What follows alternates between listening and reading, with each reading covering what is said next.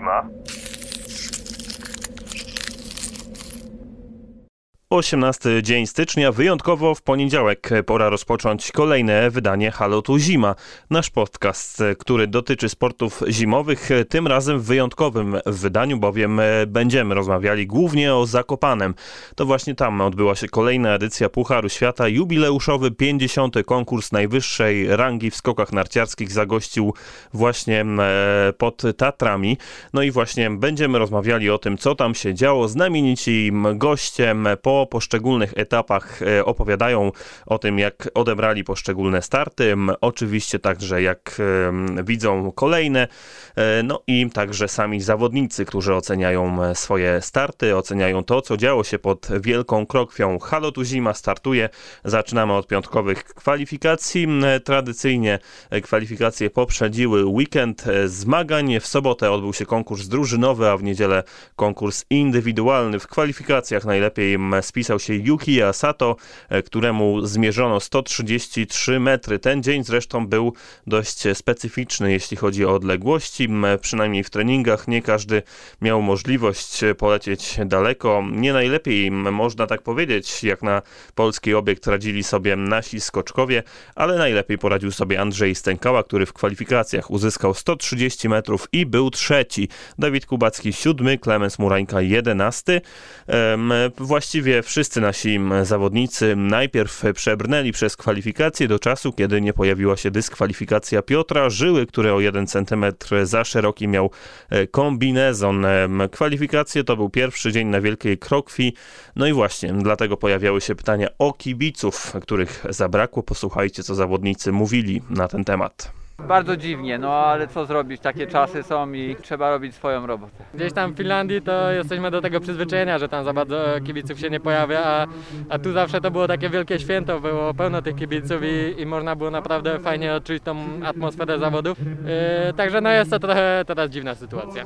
Ale widzicie, gdzie Was wspierają, bo zostawili po sobie flagi, jak wchodzi do tej inicjatywy. No jakoś trzeba sobie radzić. No fajnie, fajnie, że coś kombinują, fajnie, że próbują zaznaczyć, że są z nami, że nas wspierają, więc e, na pewno to cieszy. Jest totalnie inaczej, e, ale, ale to jest sytuacja, do której już się trochę przyzwyczailiśmy od początku sezonu i, i powiem szczerze, że myślałem, że będzie gorzej, ale jednak i muzyka i, i speaker, e, także to, to robi robotę i, no i czuć nawet e, tak odrobinę atmosfery. Kibiców nie ma, ale pojawiły się flagi. Jak, jak Pan ocenia tą właśnie inicjatywę? Super, e, super, ja jestem za tym. Cieszę się, że kibice w taki sposób e, też pokazują, że są z nami, że nas wspierają. E, no i dzięki za energię, którą przesyłacie przez eter tutaj. W sobotę odbył się konkurs drużynowy, w którym wystartowali Polacy w składzie Piotr Żyła, Kamil Stoch, Andrzej Stękała i Dawid Kubacki. Co by tu dużo nie mówić, pachniało zwycięstwem po 6 z 8 skoków. Mieliśmy przewagę naprawdę bardzo dużą nad e, pozostałymi drużynami, ale niestety w pechowych warunkach e, swój drugi skok e, oddawał w finałowej serii Andrzej Stękała uzyskał ledwie 115,5 metrów i cała i pół metra, przepraszam, e, i cała przewaga zniknęła. W efekcie skończyliśmy na drugim miejscu za Austrią, którzy dość nieoczekiwanie wygrali, co potwierdził sam Daniel Huber. Co mówili Kamil Stoch i Dawid Kubacki po tym konkursie? Posłuchajcie właśnie. No nie, dosyć zawsze będzie, bo e, było super na, na półmetku, ale też z drugiej strony przy przy takich warunkach jak dzisiaj, e, no różnie się to mogło skończyć, dlatego e, drugie miejsce wywalczone, e, każdy dał od siebie wszystko. Owszem, nie były te warunki może jakieś super, ale też wydaje mi się, że też nie, nie, nie daliśmy takich skoków jak w pierwszej serii, przynajmniej ja tak czułem po, po sobie. Czułem, że ten drugi skok był bardzo mocno spóźniony.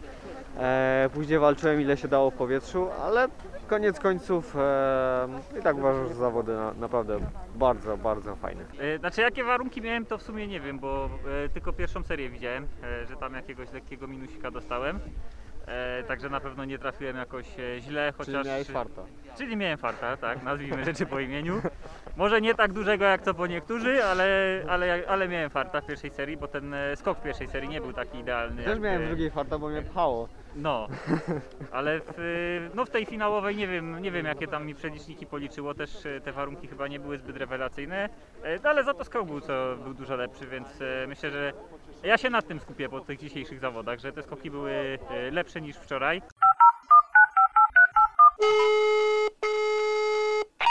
Halo, tu zima.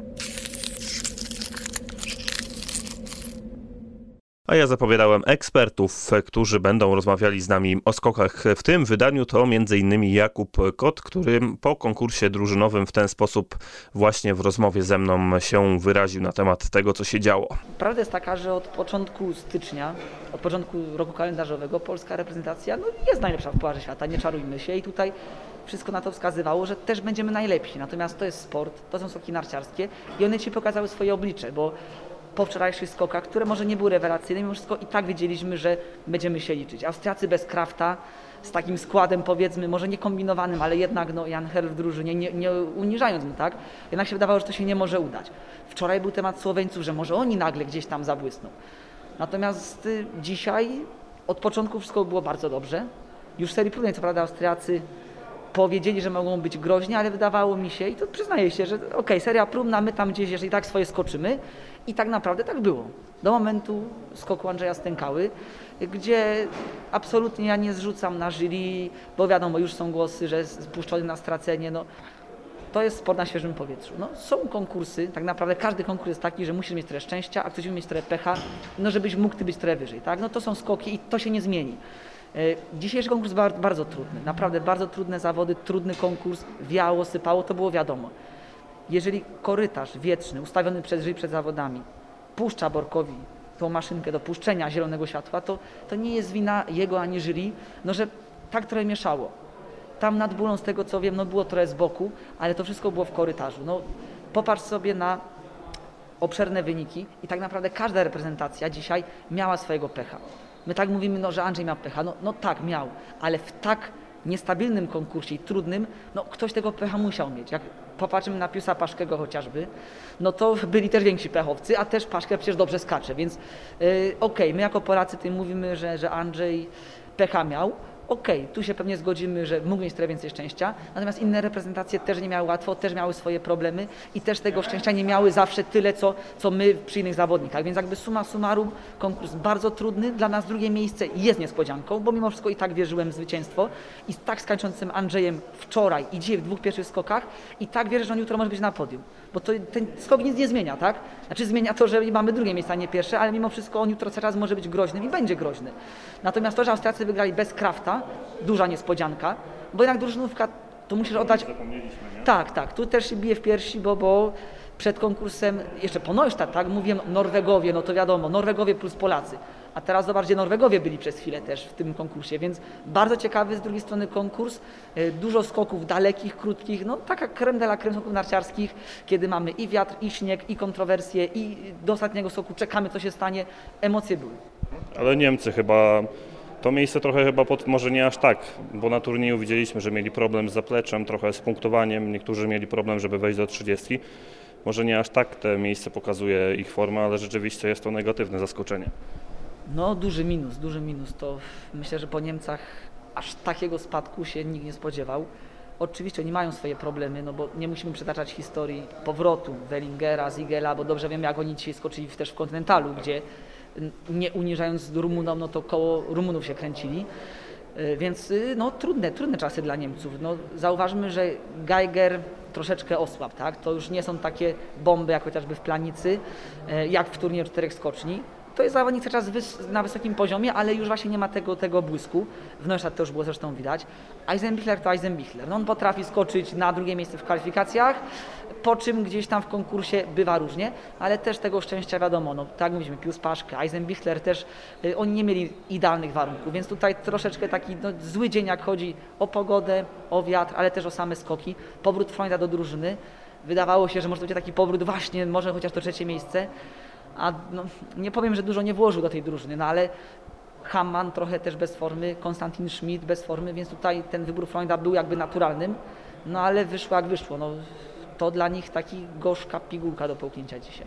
Jakub Kot jeszcze w tym podcaście wystąpi z opisem tego, co w Zakopanem się dzieje, ale my już zmierzaliśmy do niedzieli, zanim niedzielny konkurs indywidualny się odbył. Porozmawiałem z Piotrem Majchrzakiem ze sport.pl, który na potrzeby właśnie naszego podcastu Halo to tu zima ocenił konkurs drużynowy, no i też staraliśmy się wspólnie wybrać faworyta tego konkursu. Piotr na Twitterze wskazał kilka nazwisk, no i właściwie trudno było wskazać tego jednego głównego, co poniekąd trochę mi się potwierdziło.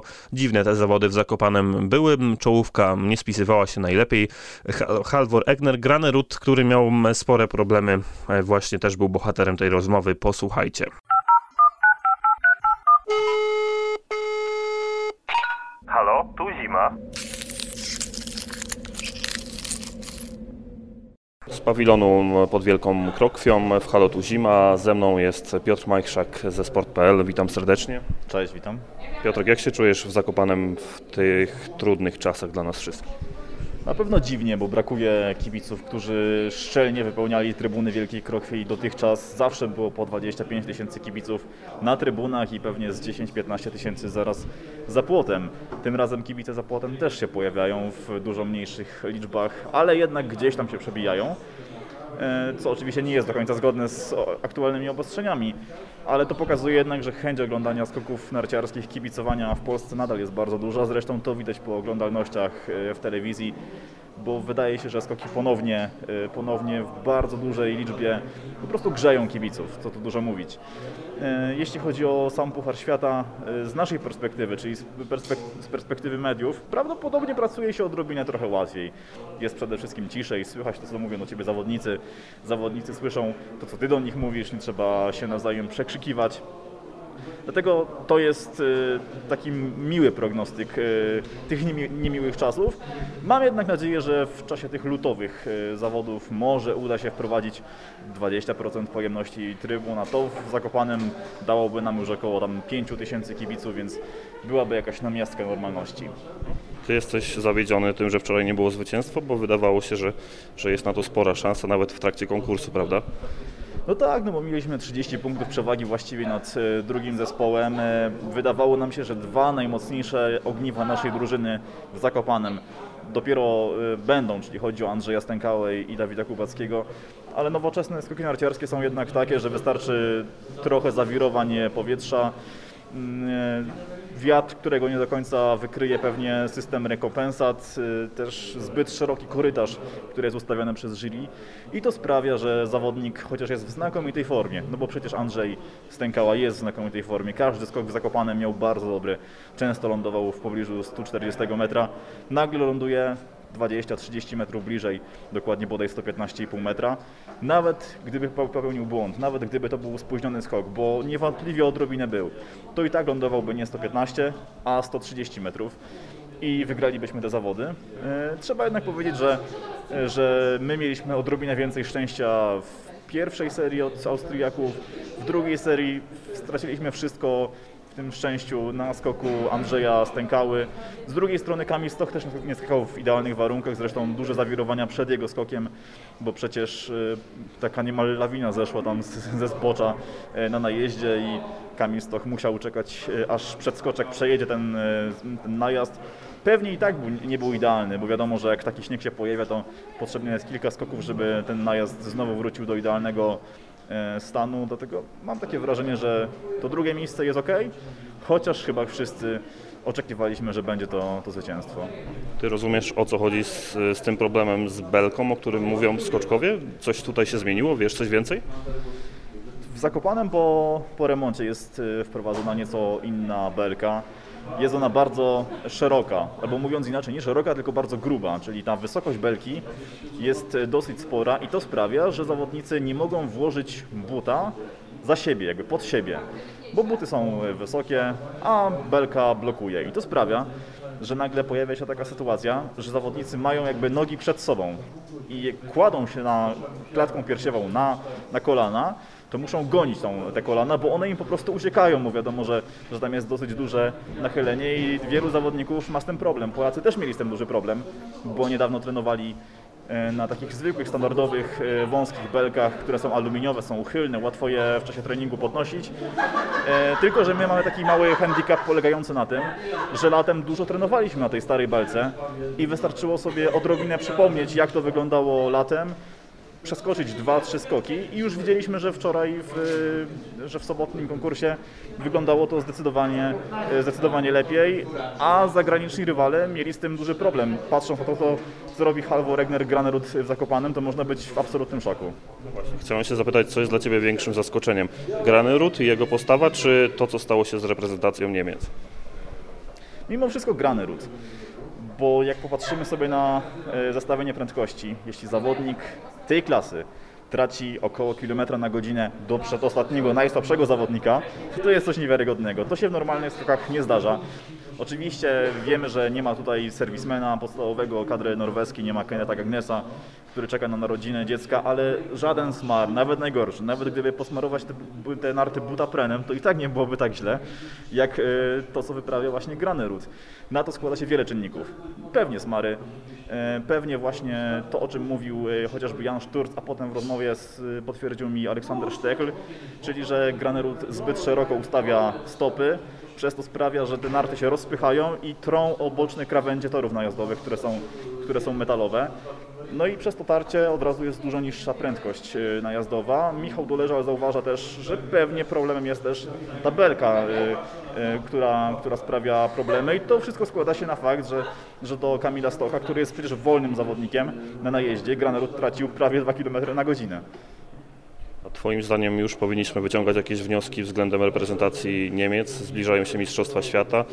Takie głosy z Niemiec dochodzą do nas, że, że trochę za dużo presji przed turniejem się pojawiło, że gdzieś to ich rozbiło. Jak Ty na to patrzysz? Może Horngacherowi jednak brakuje takiego sztabu, jaki miał w Polsce? Czy jeszcze za szybko, żeby o tym mówić?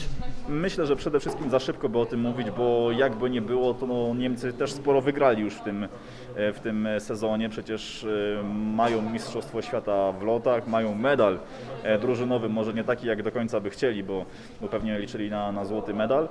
E, Eisenbicher cały czas jest e, w czołówce Pucharu Świata, skacze bardzo równo, może nie wygrywa, może nie staje cały czas na podium, ale jak popatrzymy sobie na jego występy, to on w każdym momencie może jeszcze wygrać zawody Pucharu Świata i włączyć się do walki o, o kryształową kulę, bo ta forma Graneruda jest taka w tym momencie niepewna.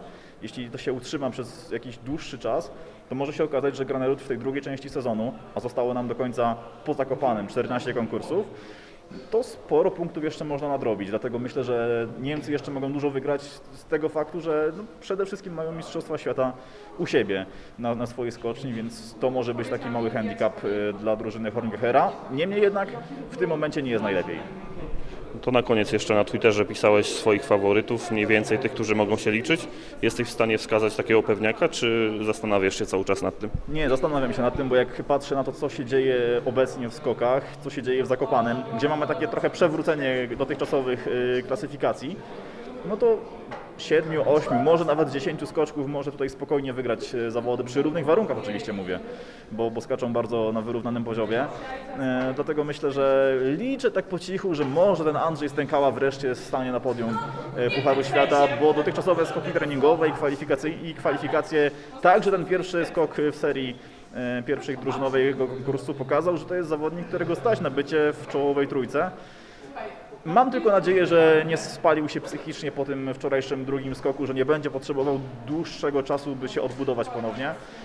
A jeśli chodzi o pozostałych zawodników, y, to myślę, że takim jednym z głównych kandydatów do zwycięstwa może być Daniel Huber, który świetnie skakał na początku sezonu, potem koronawirus, trochę go to wybiło z rytmu, ale w Zakopanem czuje się, czuje się bardzo dobrze, a może Daniel Kiasoto, który tak świetnie skakał w piątek. No właśnie, lista faworytów rzeczywiście jest długa. Państwo jak będą tego słuchali, to, to już będziecie wiedzieli, kto wygrał i zobaczymy, czy... czy... Pewnie Kamistoch, oby tak, by, oby tak było. Taką nadzieję oczywiście. oczywiście. Dzięki Piotrek, powodzenia w dalszej części sezonu. Dzięki, że wpadłeś. Dzięki bardzo.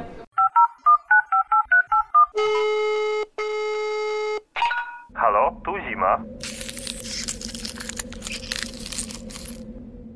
Efekt y, mógł nas zaskoczyć wszystkich, choć nie do końca, bo przyznam wam szczerze, że w trakcie momentu, kiedy Mariusz Lindwik wychodził w pierwszej serii z progu, powiedziałem, że on dziś wygra. No i rzeczywiście tak się stało. Drugi po pierwszej serii w finałowej rundzie pofrunął aż 145,5 metra, co wystarczyło na wygraną o 2,3 punktu e, przed Andrzelaniszkiem. Trzeci był Robert Johansson. Posłuchajcie, co nasi zawodnicy mówili po tym e, konkursie. Andrzej Stękała był piątym, właśnie on teraz do Was przemawia. No bo ja dobrze wiem, że ta, to, to były po prostu metry. To co, to, co jest e, najważniejsze to jest próg. A próg był ok, a resztę no nie miałem wpływu na to, że było z tyłu i tyle skoczyłem. No. Ostatni dzień, ale chyba energia największa, prawda, dzisiaj? E, ale jaka energia? W sensie? Na przykład Kamil Stok mówi, że tej energii zabrakło na, na, na progu, a u Ciebie chyba na odwrót. E, no, no była energia, no jak e, zajmuje się piąte miejsce w Pucharze Świata, to, no to jest to myślę bardzo wysoki poziom i żeby stać na takim miejscu, no to trzeba mieć też tej energii w sobie. Andrzej, usatysfakcjonowany po tym weekendzie, czy lekki niedosyt jest jednak? Może kiedyś e, tam powiem, że był lekki niedosyt, bo można było więcej, ale, ale w każdym calu tego sportu można być zawsze lepszy, mimo nawet jakby się wygrało, to można, można być lepszy. No to co, no to ja będę po prostu robić wszystko, żeby być lepszy i tyle. Ta zielona linia dzisiaj trochę tak deprymowała, czy motywowała, no bo wylądowałeś blisko, ale taka reakcja była, że no mogło być jeszcze chwilkę dalej, prawda? Znaczy to jest takie, które pokazuje ile powinieneś skoczyć. Tak. E, my jesteśmy trochę wychyleni do przodu, także nie, nie, nie jest się pewny, czy się ją przeskoczyło, czy nie. E, no i co, no wiem ile miałem skoczyć, żeby w, no, w locie wiedziałem, ale tak to, to i tak nie skupiałem się na linii, tylko skupiałem się na oddaniu skoku. No i co, fajnie. Jeszcze dopytam o rezerwy, bo wspomniał Pan, że nawet y, zawodnik, który wygrywa, zawsze jakieś tam rezerwy ma. To czym największe rezerwy ma jeszcze Andrzej Stękała, jeśli chodzi o skok? E, na pewno w locie jest e, do poprawy i no w locie i, i timing na progu. Aha, to teraz jeszcze Lachti. Pan te skocznie lubi, nie odpowiada Panu, jak Pan na to patrzy? Eee, Lachti jest spoko, spoko. Jak się jest w formie, to każda skocznia jest ok. A, no i co? Nic no.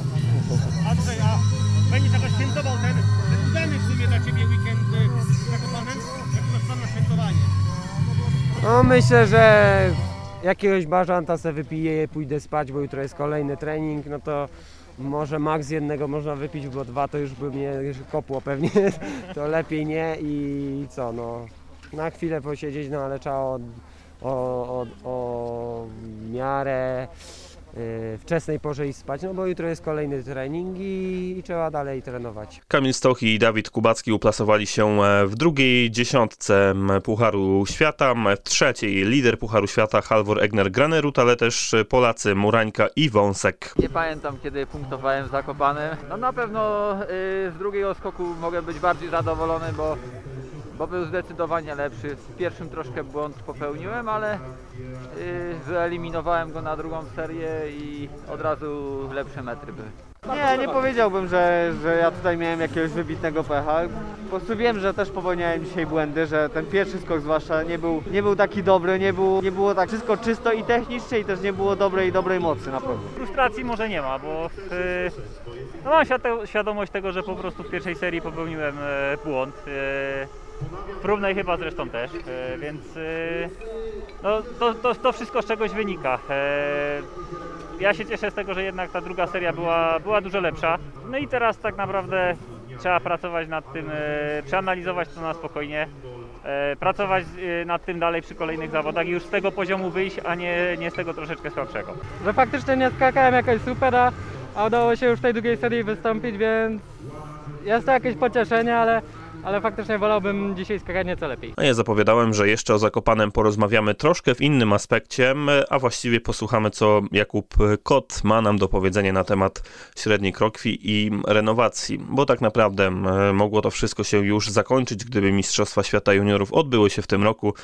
Ale niestety efekt jest taki, że w momencie, kiedy tylko podjęto decyzję, że Mistrzostwa Świata Juniorów zostaną przeniesione za rok, e, wówczas kilka dosłownie może dni, kilka tygodni pojawiła się później informacja, że jednak nie uda się średniej krokwi zakończyć. Efekt jest taki, że nie mają gdzie młodzi zawodnicy e, szlifować swojej formy zimą, nie mają gdzie szlifować latem, muszą dojeżdżać do Szczyrku, ale nie będę odejmował tutaj roli e, Jakubowi, który jest także trenerem. Posłuchajcie, Jakub Kot o sytuacji na Podhalu, jeśli chodzi właśnie o normalną skocznię.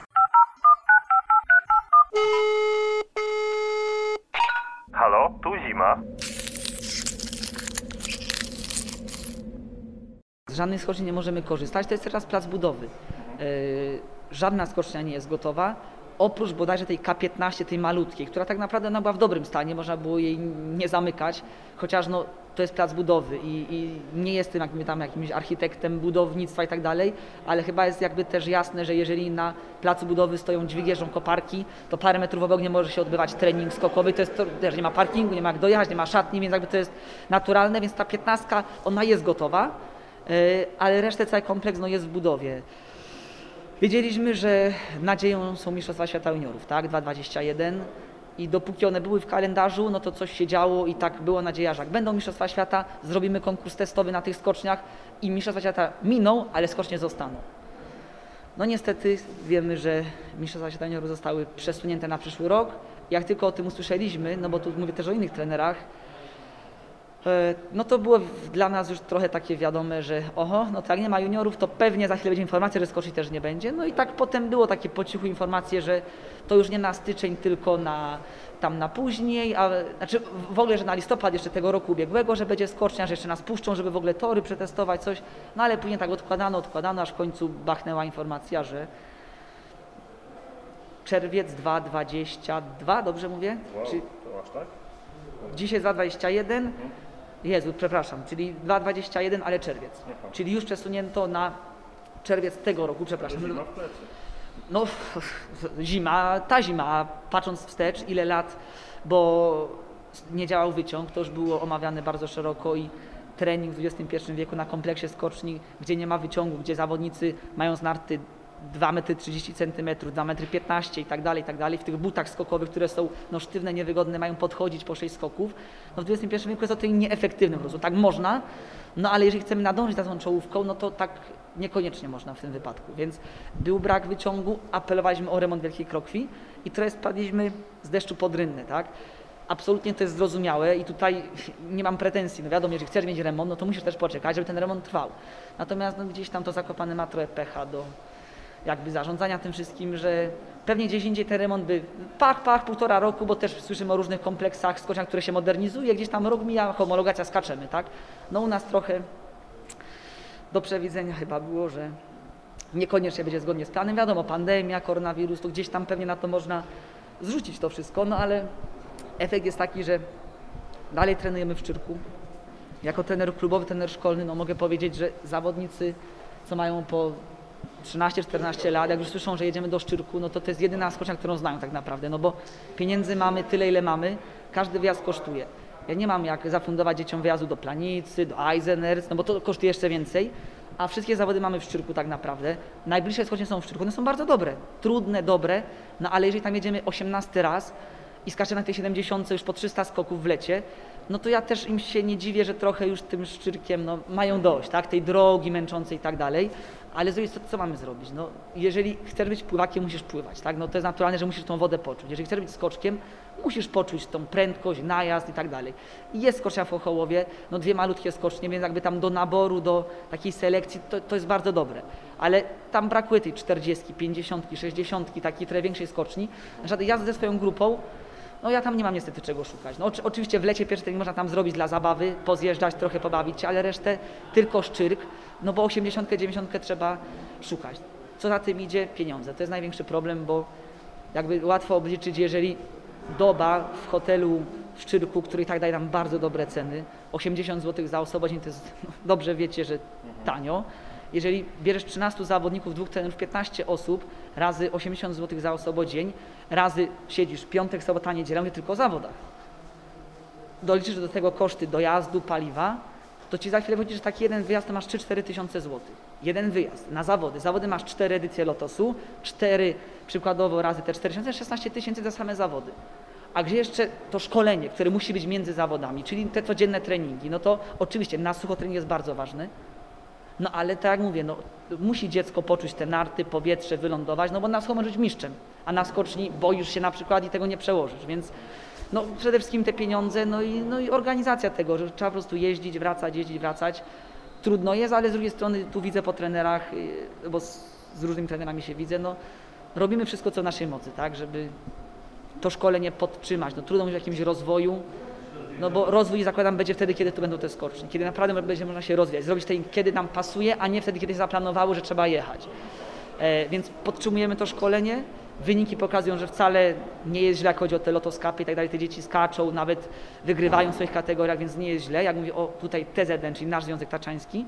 Natomiast no, pewnie byłoby trochę lepiej przede wszystkim łatwiej, taniej. Wtedy te pieniądze, które wydajemy na 18 wjazd do Szczyrku, zaoszczędziłoby się, by się pojawiało raz do planicy, a nie pięć razy do Szczyrku, tak? Dzieci by zobaczyły, że jest inna skocznia, inny profil, że można nie wyżej lecieć, dalej a na razie to jest takie trochę w sferze marzeń. To tyle, jeśli chodzi o konkursy Pucharu Świata w Zakopanem. Wyjątkowe wydanie Halo tu zima. Takie sytuacje mogą się zdarzać, to od razu zapowiadam, kiedy tylko będziemy wyruszali na jakieś zawody, będziemy starali się Wam przedstawiać to, co było mówione na miejscu, a z ciekawych wydarzeń, które w świecie sportu się działy, to na pewno trzeba na koniec wspomnieć o Marynie Gąsienicy Daniel, też związanej nomen omen z Zakopanem, tam właśnie się urodziła E, drodzy Państwo, dziesiąta e, w sobotę w, w slalomie gigancie, przepraszam, e, w Krańskiej Gorze dnia kolejnego 11. To już naprawdę jest stabilizacja na wysokim światowym poziomie. Trzymamy kciuki za Marynę Gąsienicę Daniel, a ja nazywam się Mateusz Król. Dziękuję Wam za uwagę dzisiaj